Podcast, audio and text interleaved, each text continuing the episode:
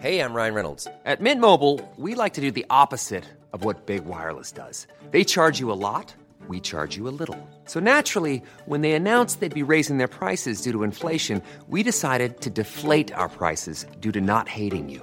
That's right. We're cutting the price of Mint Unlimited from $30 a month to just $15 a month. Give it a try at mintmobile.com slash switch. $45 upfront for three months plus taxes and fees. Promo rate for new customers for limited time. Unlimited more than 40 gigabytes per month. Slows. Full terms at mintmobile.com. Hey, it's Ryan Reynolds, and I'm here with Keith, co star of my upcoming film, If, only in theaters, May 17th. Do you want to tell people the big news?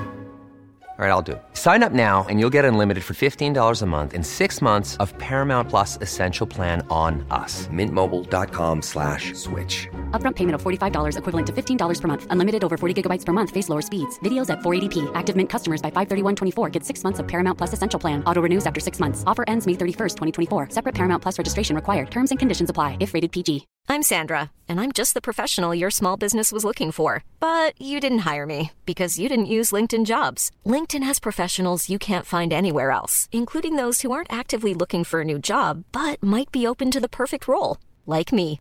In a given month, over 70% of LinkedIn users don't visit other leading job sites. So if you're not looking on LinkedIn, you'll miss out on great candidates like Sandra. Start hiring professionals like a professional. Post your free job on linkedin.com/people slash people today.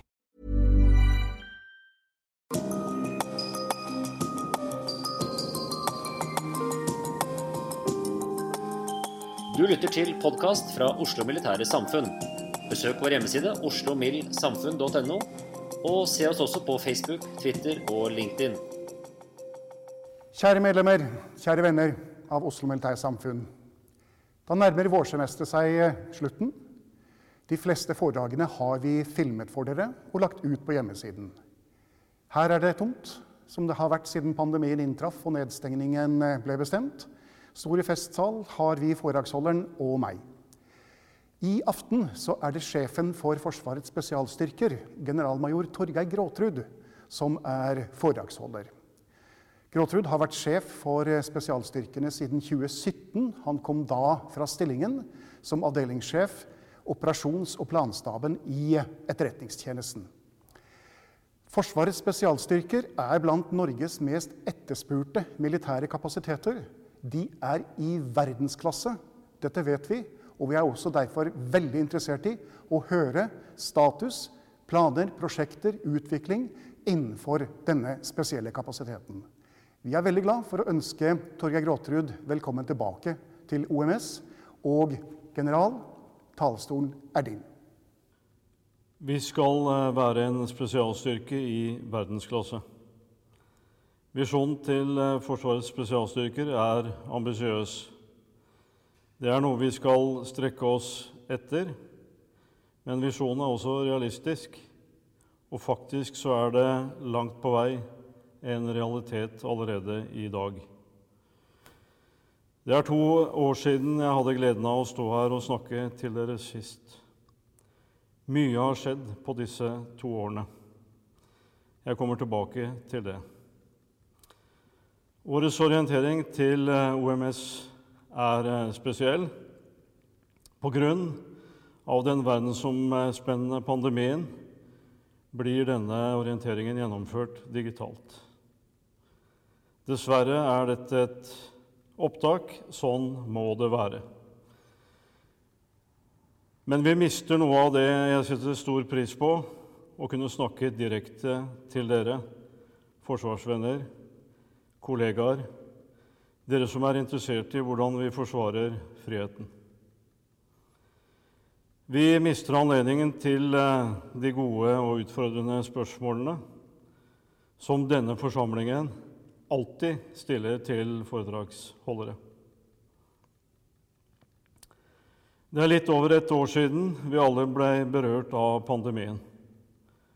I spesialstyrkene har vi innført strenge smitteverntiltak, men har samtidig hatt eh, full fokus på operasjoner, beredskap og kjernevirksomhet. Vi har klart oss bra. Vi har hatt noen tilfeller, mens smitteverntiltakene har fungert, og vi har heldigvis unngått videre spredning. For vårt personell i utenlandsoperasjoner har dette vært særlig utfordrende. I Afghanistan har det vært, og er det fortsatt, svært mye smitte. Etter operasjoner mot terrorhandlinger og terrornettverk har vi opplevd at flere av våre operatører har blitt smittet. For en liten og kritisk styrke reduserer dette fort vår operative evne. Vi er derfor svært fornøyde med regjeringens beslutning om å prioritere vaksine til våre soldater som opererer i en krevende operasjon i Afghanistan. Forsvarets spesialstyrker, slik vi kjenner det i dag, ble etablert i 2014. Da ble FSK og MJK trukket ut av henholdsvis Hæren og Sjøforsvaret og organisert under én overordnet ledelse, som da er Forsvarets spesialstyrke, eller kortversjonen FS. For to år siden ga vi ut Forsvarets spesialstyrker mot 2030. Internt kaller vi dette dokumentet strategien. Dette er et overordnet dokument som skal bidra til at alle ansatte i organisasjonen har et felles syn på hvilken retning vi skal utvikle oss i og hvordan vi skal gjøre det, og hva som skal være prioritetene fremover. Strategien beskriver to hovedmomenter som jeg vil snakke om her i dag. For det første er den tydelig på at personellet er vår viktigste ressurs. Uten de riktige menneskene i organisasjonen vil vi ikke klare å holde det nivået vi er avhengig av. Vi ville ikke klart å utvikle oss. Vi ville ikke klart å være en spesialstyrke i verdensklasse. Derfor er en av de fem sannhetene personell er viktigere enn materiell. Dette kommer jeg også tilbake til på slutten av denne orienteringen. En annen ting som eh, beskrives i strategien, er de tre operasjonslinjene spesialstyrkene leverer på. Dette er forsvar av Norge, operasjoner i utlandet og støtte til andre sektorer. Den viktigste operasjonslinjen er vårt bidrag til forsvaret av Norge. Før jeg kommer nærmere tilbake til disse tre operasjonslinjene, skal jeg si noen korte poenger fra historien til spesialstyrkene. Etter den andre verdenskrig ble motstandsstyrkens kompetanse og erfaring videreført i ulike former, spesielt gjennom bidrag til Heimevernet. Først i 1952 ble det gjort tiltak for å etablere en eh, spesialstyrke i den stående forsvarsstrukturen. Da ble løytnant Ove Lund sendt til eh, USA for å gå igjennom seleksjon og trening. Dette ble starten på det som utviklet seg til norske spesialstyrker. Kort tid senere ble det sendt personell til eh, Storbritannia for å gå gjennom tilsvarende trening der. Disse to tiltakene var en naturlig fortsettelse av det nære båndet Kompani Linge og Shetlandsgjengen etablerte med amerikanske og britiske spesialstyrker under andre verdenskrig. De nære relasjonene er videreført som en ubrutt eh, linje i norsk sikkerhets- og forsvarspolitikk frem til i dag, og gjelder i høyeste grad også for spesialstyrkene. Hovedoppgaven til eh, spesialstyrkene var anti-invasjonsforsvar, fokusert mot eh, trusselen fra Sovjetunionen og Warszawapakten. Spesialstyrkene var en av brikkene i den kalde krigen. I 1982 fikk Forsvaret ansvaret for å etablere en kontraterrorberedskap for olje- og gassinstallasjonene ute i Nordsjøen. Dette førte til opprettelsen av eh, Forsvarets spesialkommando, som eh, den gang en del av Hærens jegerskole. Dette oppdraget ble starten på en bredere støtte til politiet. I dag er dette oppdraget blitt enda bredere og har utviklet seg til operasjonslinjen støtte til andre sektorer, og omfatter nå hele organisasjonen FS. I perioden etter 1982 var det altså to hovedoppgaver for det som i dag er FS, antiinvasjon og antiterror, som var begrepene som ble brukt.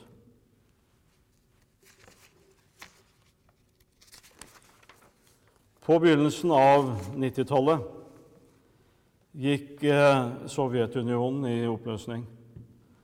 Og forholdet til eh, Russland ble gradvis bedret. Dette fikk innvirkning på utviklingen av spesialstyrkene. I 1995 ble spesialstyrkene for første gang brukt i operasjoner utenfor Norge. De første deployeringene gikk til eh, Balkan og konflikten i det tidligere Jugoslavia. Seks år senere angrep Al Qaida mål i USA, og vi ble engasjert i den internasjonale operasjonen for å bekjempe terrororganisasjonen som hadde søkt tilhold i Afghanistan.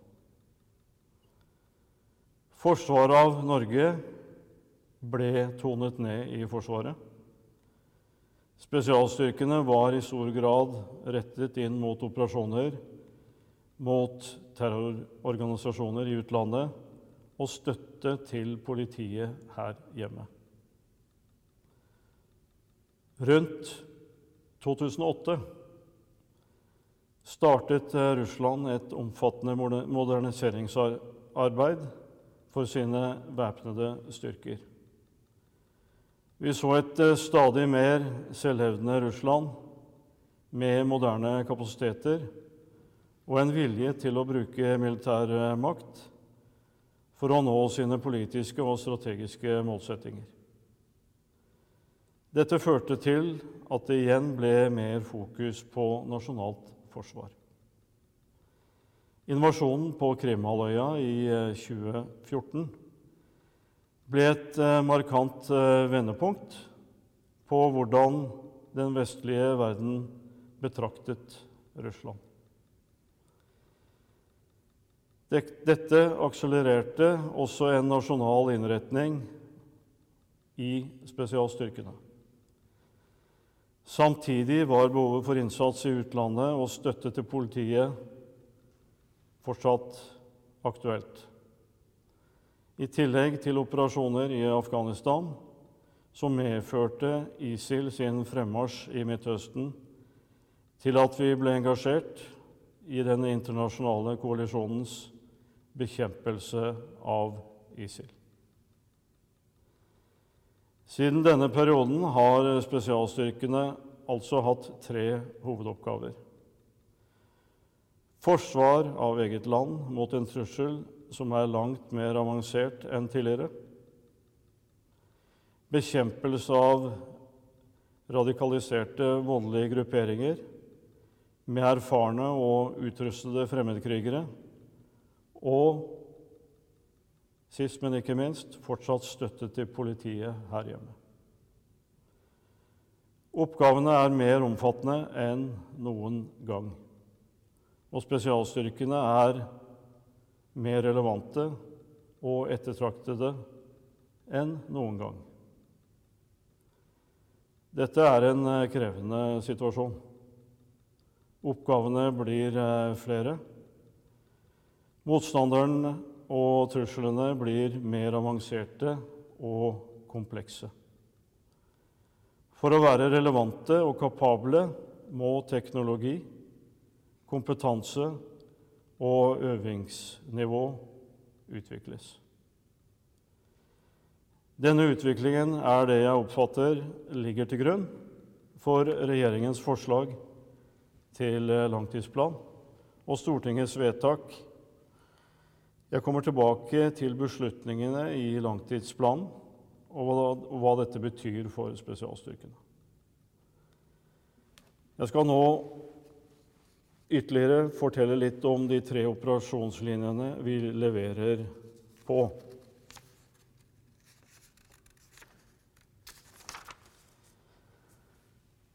Den viktigste operasjonslinjen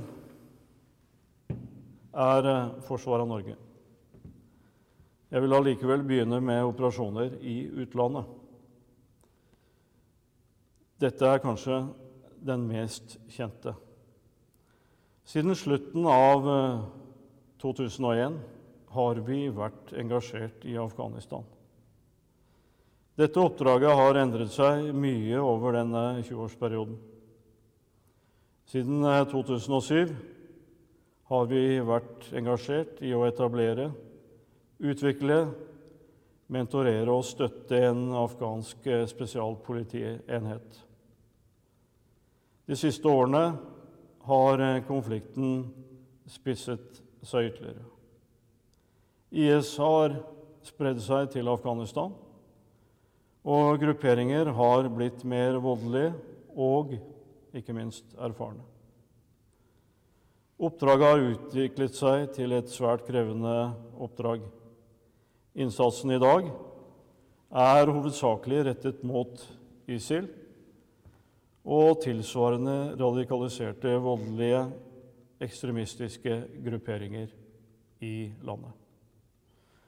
Hovedhensikten med dette oppdraget er å sikre at den afghanske spesialpolitienheten selvstendig kan bekjempe terror og ekstremisme. Den afghanske kapasiteten begynner å bli svært godt utviklet. Selv om det fortsatt er behov for å støtte på enkelte områder. Det har vært eh, noe medieeksponering av hva som gjøres i Afghanistan og vi har valgt å la media få innblikk i hvordan vi, sammen med våre afghanske partner, har respondert på terroraksjoner mot det afghanske sivile samfunn. Det som ikke kommer frem, er alt det arbeidet som gjøres for å hindre at terroraksjoner gjennomføres. Alt det møysommelige innhentings- og etterretningsarbeidet som fører til arrestasjoner. Alle hendelser som ikke skjer som følge av dette arbeidet. Slik det ser ut nå, vil vi basert på de siste dagers uttalelser fra president Biden og Nato og vår regjering konsentrere oss om en god eh, uttrekning fra Afghanistan innen 11.9. dette år. Vi er godt i gang med planer for uttrekk. Vi er også engasjert i Jordan.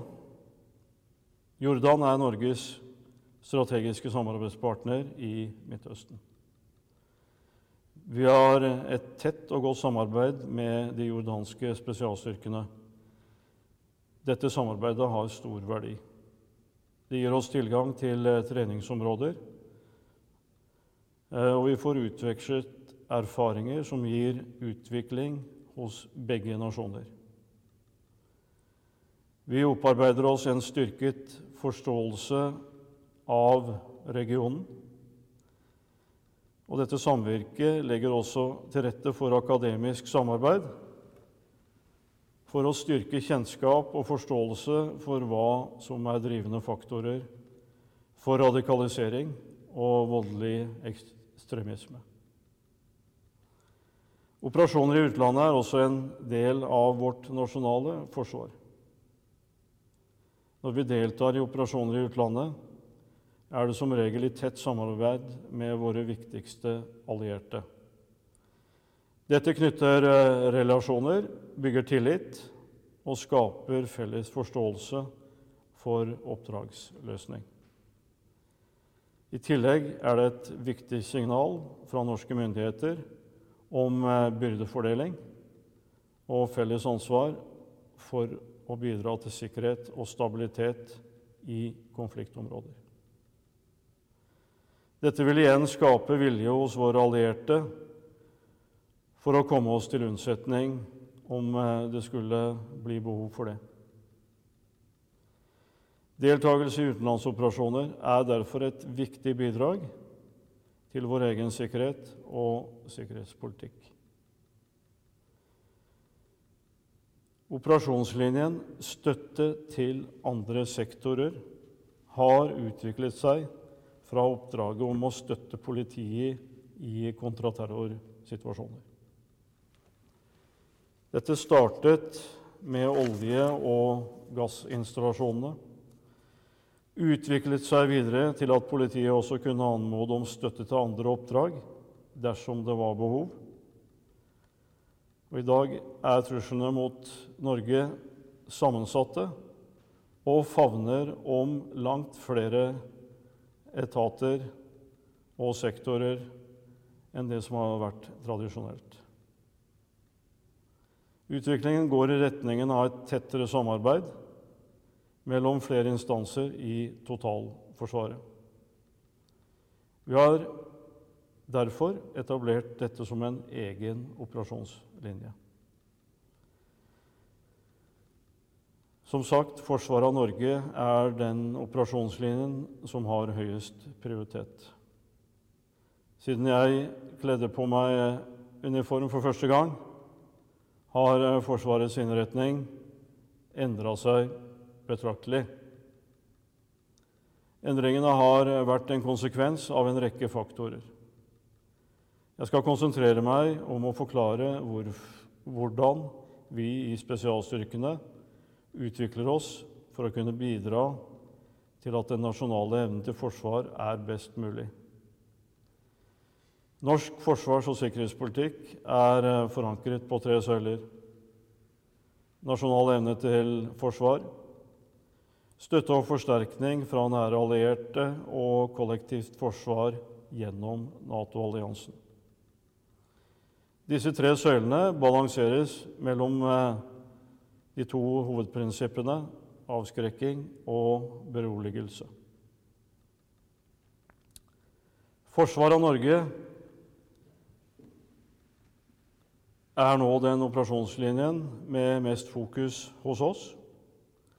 Russiske moderniseringsprogrammer har pågått over lang tid. Et mer selvhevdende Russland har demonstrert evne og vilje til å benytte makt for å oppnå sine politiske og strategiske mål. I februar presenterte Etterretningstjenesten sin årlige ugraderte trusselvurdering. Der ble det bl.a. pekt på Russland sin økte tilstedeværelse i nordområdene, og at Russland benytter påvirkningsoperasjoner som en viktig del av sin strategi. Moderniseringsprogrammet har gitt Russland nye kapabiliteter og kapasiteter. Dette fører til at Vesten må utvikle sitt forsvar mot disse bredt sammensatte truslene.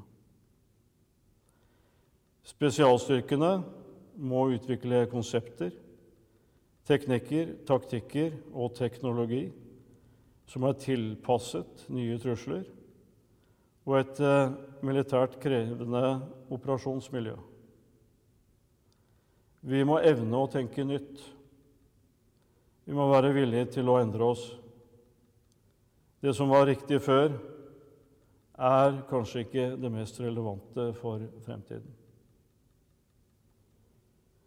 USA og Storbritannia er våre to nærmeste allierte.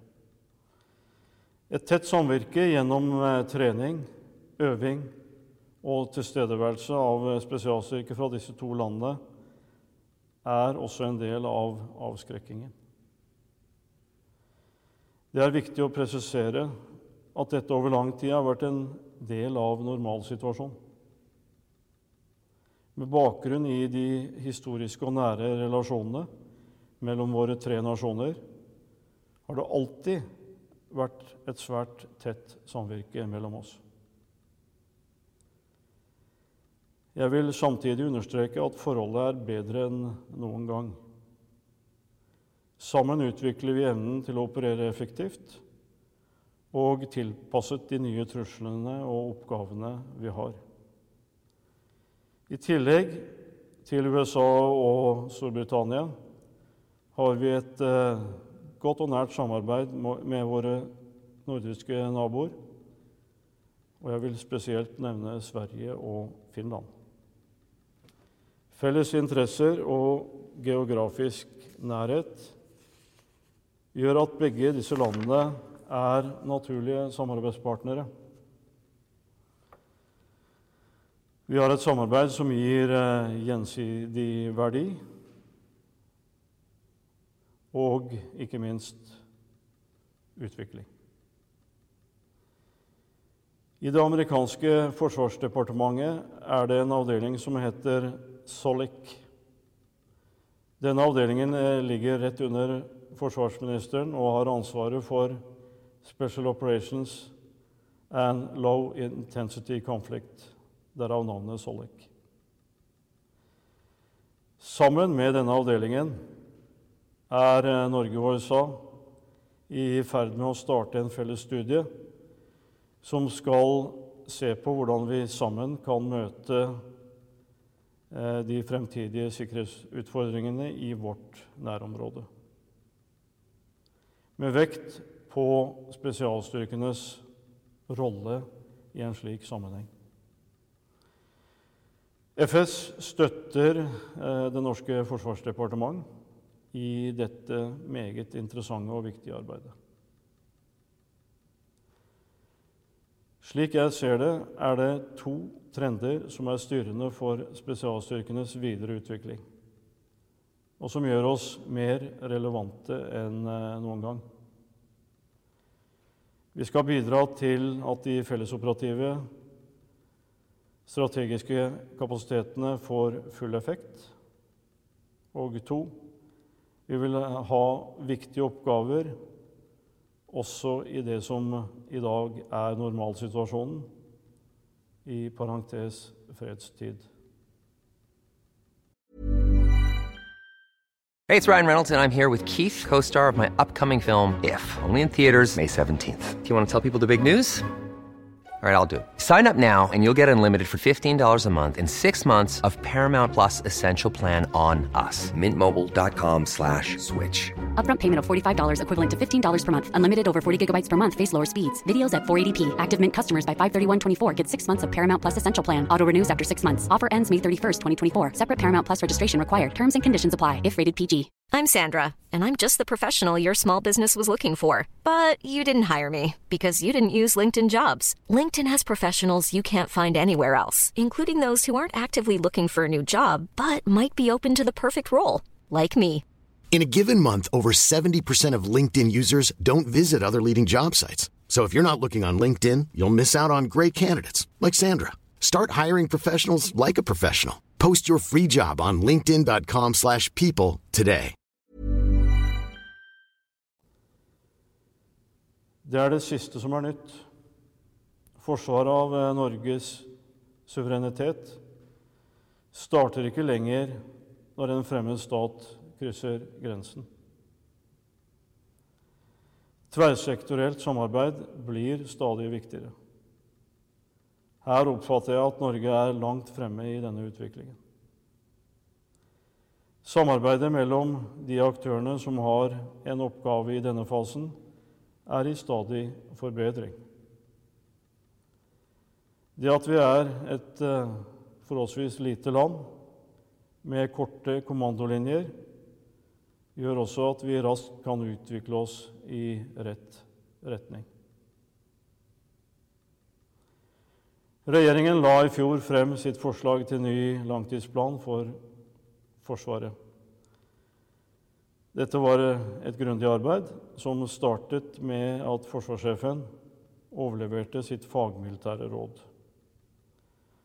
Våre innspill til FMR-arbeidet var basert på følgende Nye helikopter tilpasset oppgaver og trusler innen alle våre tre operasjonslinjer.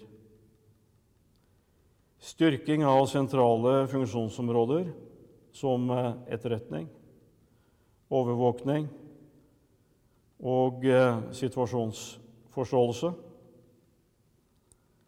Videre målutvelgelse, operativ og logistikkunderstøttelse samt økt utholdenhet på styrken. Disse faktorene ble understøttet i forsvarssjefens eh, anbefaling og ble videreutviklet i regjeringens forslag. Etter stortingsbehandlingen ble vedtakene at spesialstyrkene skal tilføres nye helikoptre. Det skal etableres en ny task group og vi får en generell personellmessig styrking innenfor nevnte områder tidligere. Dette svarer helt til de forslagene vi fremmet i forsvarssjefens militærfaglige råd. Vi er derfor svært fornøyd med Stortingets beslutning. Vi har iverksatt en eh, rekke utredninger som skal legge til rette for den utviklingen som er besluttet. Hvordan skal vi best mulig etablere en ny talsgruppe med utgangspunkt i eh, Nord-Norge og Ramsund? Hvordan skal vi innrette oss for de viktige funksjonelle styrkingene, og hvordan skal vi anskaffe og integrere de nye helikoptrene. Nye helikoptre er en viktig og strategisk eh, beslutning. I dag opererer vi helikoptre som er svært godt vedlikeholdt, men som er ca. 35 år gamle. Disse helikoptrene svarer ikke til de kravene vi har i dag. De mangler allværskapasitet. Det vil si, de kan ikke fly når eh, det er dårlig vær i eh, fjellet eller andre steder. De kan ikke fly over sjø så lenge det, er, så, så lenge det ikke er visuell kontakt med geografiske punkter. De har ikke tilstrekkelig løfteevne. De har ikke tilfredsstillende fart og rekkevidde. Men det mest alvorlige er at de har ikke tilfredsstillende sensorer og selvforsvarsevne for et moderne stridsmiljø. Vi trenger helikopter som kan operere i et moderne trusselscenario. Et helikopter som eh, ser situasjonen på bakken. Et helikopter som kan samvirke med de femtegenerasjonsplattformene Norge har og vil anskaffe. Vi eh,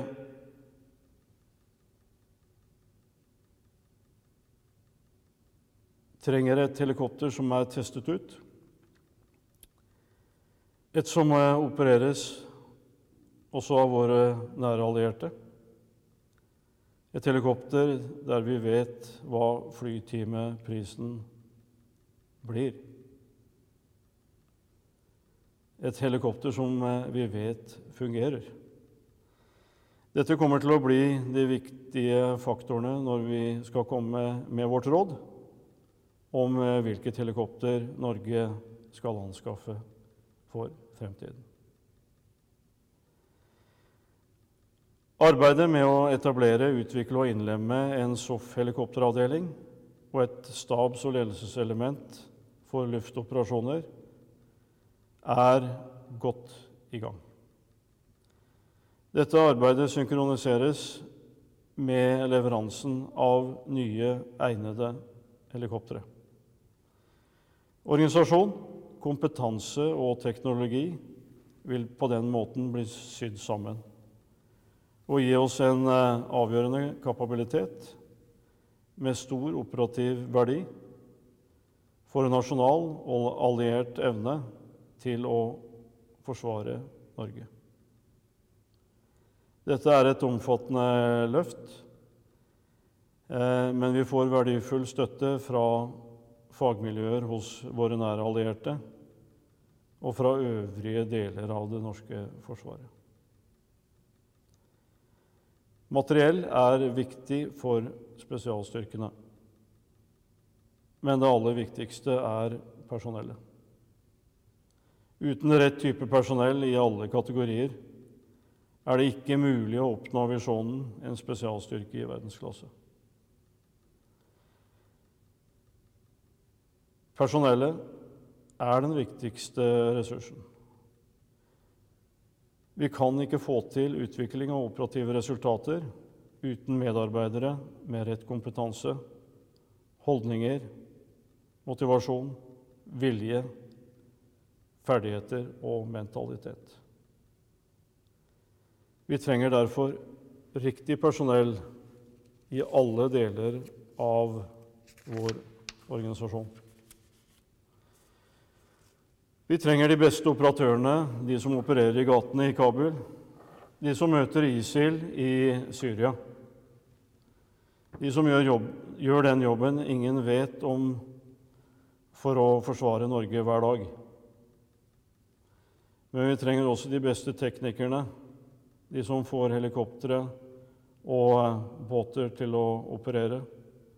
De som aldri gir opp, de som sørger for at våre systemer fungerer.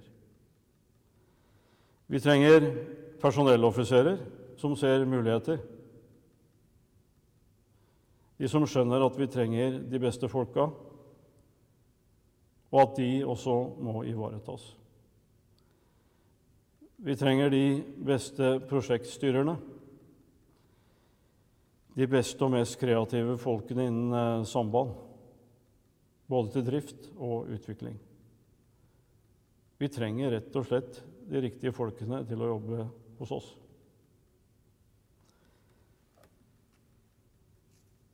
Personellet er vår viktigste ressurs. Dette er veldig tydelig prioritet i strategien. Men vi er heller ikke flinke nok til å ivareta dette. Vi har derfor startet arbeidet med et program for å styrke vår evne til helhetlig personellivaretakelse, det vi kaller HPI, helhetlig personellivaretakelse. HPI er ikke et skippertak.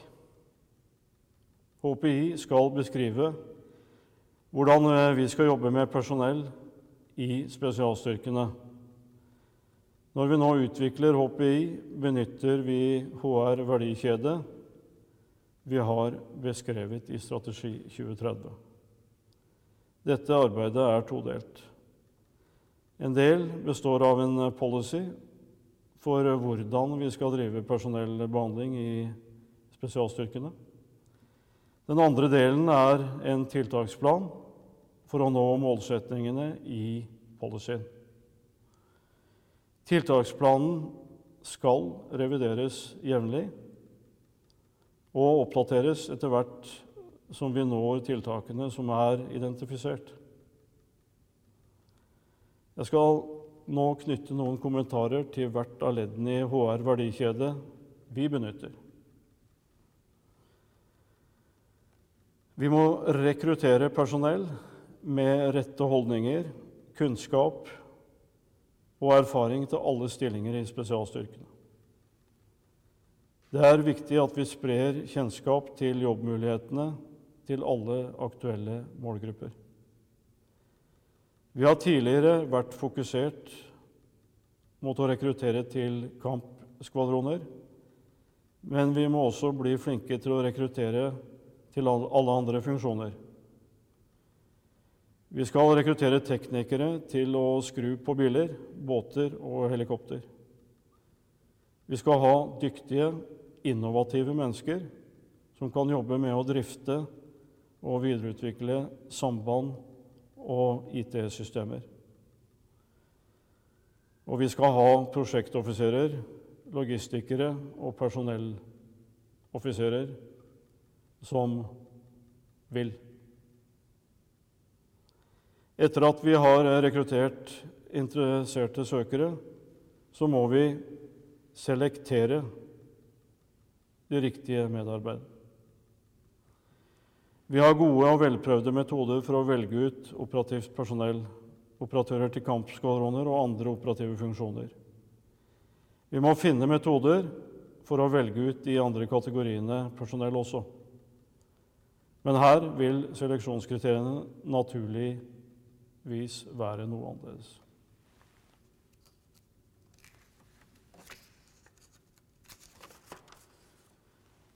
Så må personellet utvikles. Og de må utvikles mens de er i tjeneste hos oss. Dette er et bredt og omfattende område. De må tilføres nødvendig kompetanse de må få faglig erfaring, ledererfaring og også frihet til å utvikle seg. Vi skal sørge for at personellet trives, føler mestring og utvikling. Vi skal utvikle personellet slik at de gjør en best mulig jobb når de er i spesialstyrkene, men også fordi vi skal sørge for at de blir best mulig kvalifisert for en videre karriere andre steder i sektoren. Vi er også tjent med at personell med tjenestebakgrunn fra FS sprer kompetanse og erfaring til øvrige deler av Forsvaret. Vi legger mye ressurser i å rekruttere, selektere og, og utvikle person, personellet vårt. Vi er dog også avhengig av å beholde personellet over tid for å nyttiggjøre kunnskap og erfaring. Vi står foran en utvikling der vi skal øke antallet ansatte. For å kunne oppfylle vår visjon om å være en spesialstyrke i verdensklasse er vi avhengig av å beholde personellet enda lenger enn tilfellet i dag. Vi har i dag en gjennomsnittsståtid på våre operatører på rundt ti år. Vi ønsker å øke denne ståtiden. For å klare det må vi tilrettelegge tjenesten slik at det er forenlig med et familieliv. Vi ønsker personell som har tung kompetanse og erfaring. Da må vi sørge for at det er mulig å kombinere jobb med et familieliv, venner og eh, fritid. Tjenestene i spesialstyrkene er krevende og belastende. Vi må derfor ha rutiner og systemer for å ivareta personellet så lenge de er i tjeneste hos oss, og også i tiden etterpå. Vi har et godt opplegg for å for, forberede personellet for de oppgavene og oppdragene de blir satt til å gjøre. Men vi må ikke glemme at det kan bli stor belastning for den enkelte over tid. Vi har et klart ansvar for å ivareta vårt personell. Det er avgjørende at vi har et system og mekanismer som fanger opp de som måtte få et behov for noe ekstra oppfølging. Det må være en kultur som gjør dette mulig. Vi har profesjonelle og strukturerte programmer som skal fange dette opp, og som skal tilby et faglig opplegg for oppfølging. Men jeg ønsker her å fremheve to vesentlige instanser som fortjener stor anerkjennelse. Veteranforeningene og Kameratstøtteordningen. Dette er to instanser som består av tidligere og stadig tjenestegjørende personell. Jeg vil gjerne nevne veteranforeningene spesielt. Både FSK og MJK har svært aktive veteranforeninger. Disse gjør et fantastisk arbeid for å skape et miljø og videreføre en tilhørighet for personell som har tjenestegjort i våre avdelinger. De skaper en eh, ramme der gamle og nye møtes. En arena der erfaringer og opplevelser kan deles i trygge og gode sosiale omgivelser. Verdien av den jobben de frivillige ildsjelene i veteranforeningene gjør, er eh, vanskelig å måle. Jeg vil derfor her og nå rette en stor takk til alle de som bidrar i forbindelse med dette arbeidet. Det er med på å skape det unike samholdet og tilhørigheten vi har sammen. Det er også svært gledelig å se hvor eh, godt de to veteranforeningene samarbeider og jobber sammen. Veteranforeningene ivaretar personell, bidrar til tilhørighet, viderefører tradisjoner, arv og stolthet på en eh, fremragende måte. Jeg har nå snakket om personellet, som er vår viktige ressurs. La meg avslutte med noen ord om en annen faktor som er avgjørende for at norske spesialstyrker er der vi er i dag, blant de fremste i verden. Dette er innovasjon og utvikling. Innovasjon og utvikling er en naturlig del av spesialstyrkene. Vi har et miljø med en sterk vilje til å hele tiden bli bedre. Det er rom og kultur for å fremme ideer, for å forbedre teknikker, taktikker, prosedyrer og konsepter, og ikke minst for teknologiske eller tekniske forbedringer. Noen ideer kan raskt operasjonaliseres mens andre kanskje er avhengig av tyngre investering eller utvikling av ny teknologi. En innovativ kultur er avhengig av et system der ideer evalueres, vurderes, testes og eventuelt settes inn i et system. Jeg skal raskt nevne noen av mekanismene som støtter oss i dette. Ideer kan komme som et resultat av erfaringer fra trening, øving eller operasjoner. Det kan ha sitt utspring i erfaringer overført fra samarbeidspartnere. Det kan være at teknologisk utvikling har åpnet for nye muligheter. Eller det kan rett og slett komme som en ny idé fra en kreativ medarbeider som er i spesialstyrkene. Avhengig av hva ideen er, vil dette bli behandlet noe ulikt. En eh, stor del av forslagene kommer først opp til behandling i vårt fagråd. Dette fagrådet består av spesialister fra begge avdelinger. Spesialistene er erfarne operatører med lang operativ erfaring innen sine fagfelt. Her deles erfaringer og ideer. De diskuteres og vurderes. Anbefalinger av prinsipiell karakter eller som vil kreve ressurser, løftes opp i kommandokjeden for videre beslutning. Spesialstyrkene har et meget tett samarbeid med FFI og med utviklingsmiljøer i SIFOR og i FMA. På FFI har vi et eget utviklingsprogram, Special Operations Research and Development.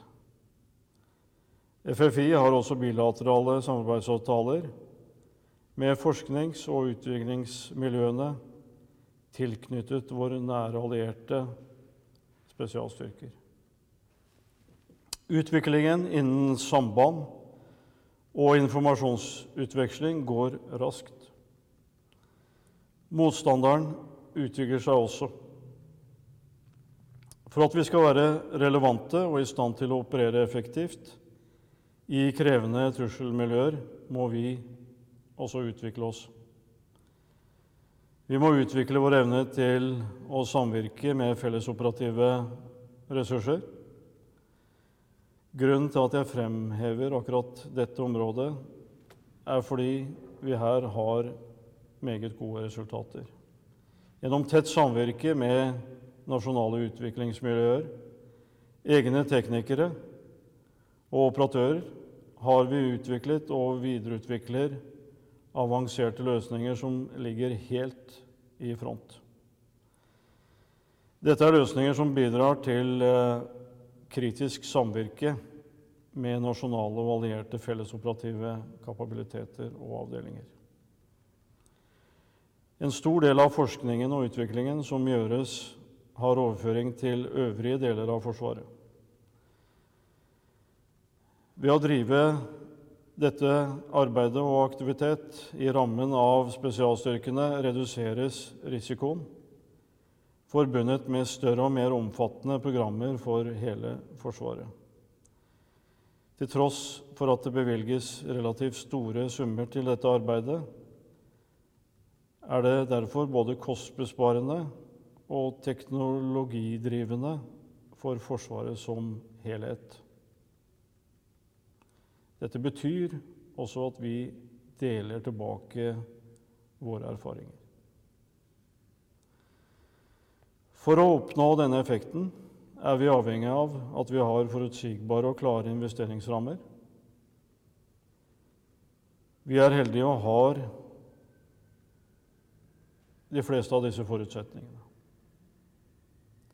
Det gir muligheter for utvikling og kosteffektiv investering i utvikling og anskaffelser, men fører også med seg et ansvar om å overføre erfaringer, kompetanse og teknologi til øvrige deler av Forsvaret der det måtte være relevant.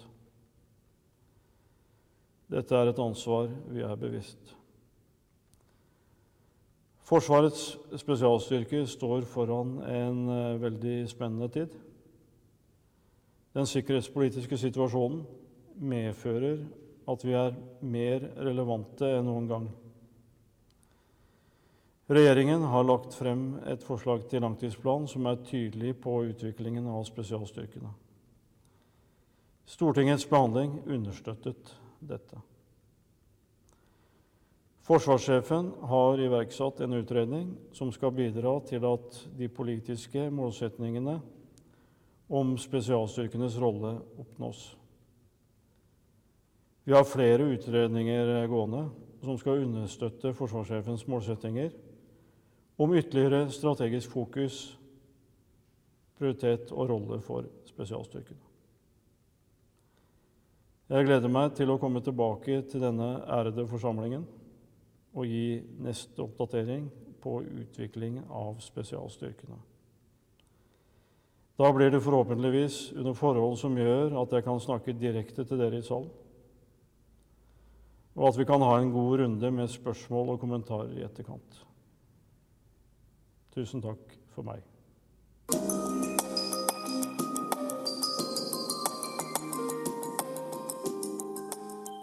Du har hørt podkast fra Oslo Militære Samfunn. Besøk vår hjemmeside oslomildsamfunn.no, og besøk oss gjerne på sosiale medier som Facebook, Twitter og LinkedIn.